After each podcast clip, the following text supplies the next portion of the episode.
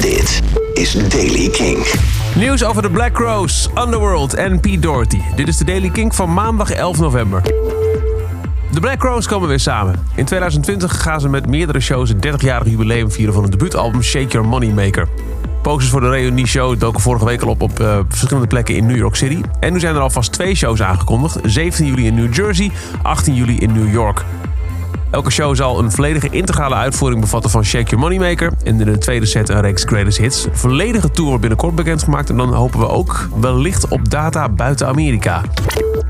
Een Underworld-fan die Born Slippy maar blijft afspelen... is gewaarschuwd dat hij in de gevangenis kan belanden als hij niet heel snel ophoudt. Het gaat om de 54-jarige Clyde Taylor. Hij woont in Eccles, Greater Manchester. En heeft al meerdere waarschuwingen van de politie om het geluid laag te houden genegeerd. Hij blijft Born Slippy maar hard afspelen. Volgens de Manchester Evening News hebben de gemeenteambtenaren uh, al meerdere malen luidsprekers, stereoapparatuur, tv, versterkers en een elektrische gitaar verwijderd uit zijn huis na aanhoudende klachten van buren. Maar Tyler vervangt de apparatuur elke keer weer en gaat dan weer vrolijk door. Na het negeren van een beleefd verzoek om het geluid laag te houden, is hij al bevolen om 1500 pond te betalen.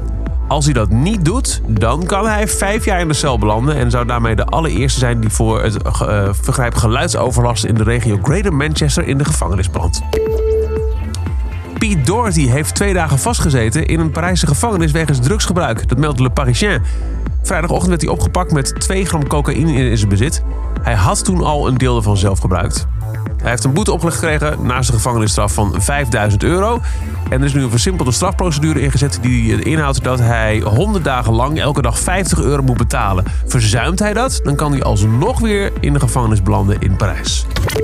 Tot zover de Daily Kink. Nog een kleine reminder. Vandaag begint op Kink de Kink 1500. De lijst met de 1500 beste tracks ooit gemaakt. Elke dag van 9 uur s ochtends tot 7 uur s avonds. 12 dagen lang.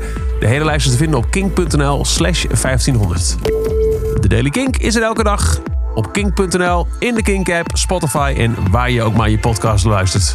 Elke dag het laatste muzieknieuws en de belangrijkste releases in de Daily Kink. Check hem op kink.nl of vraag om Daily Kink aan je smart speaker.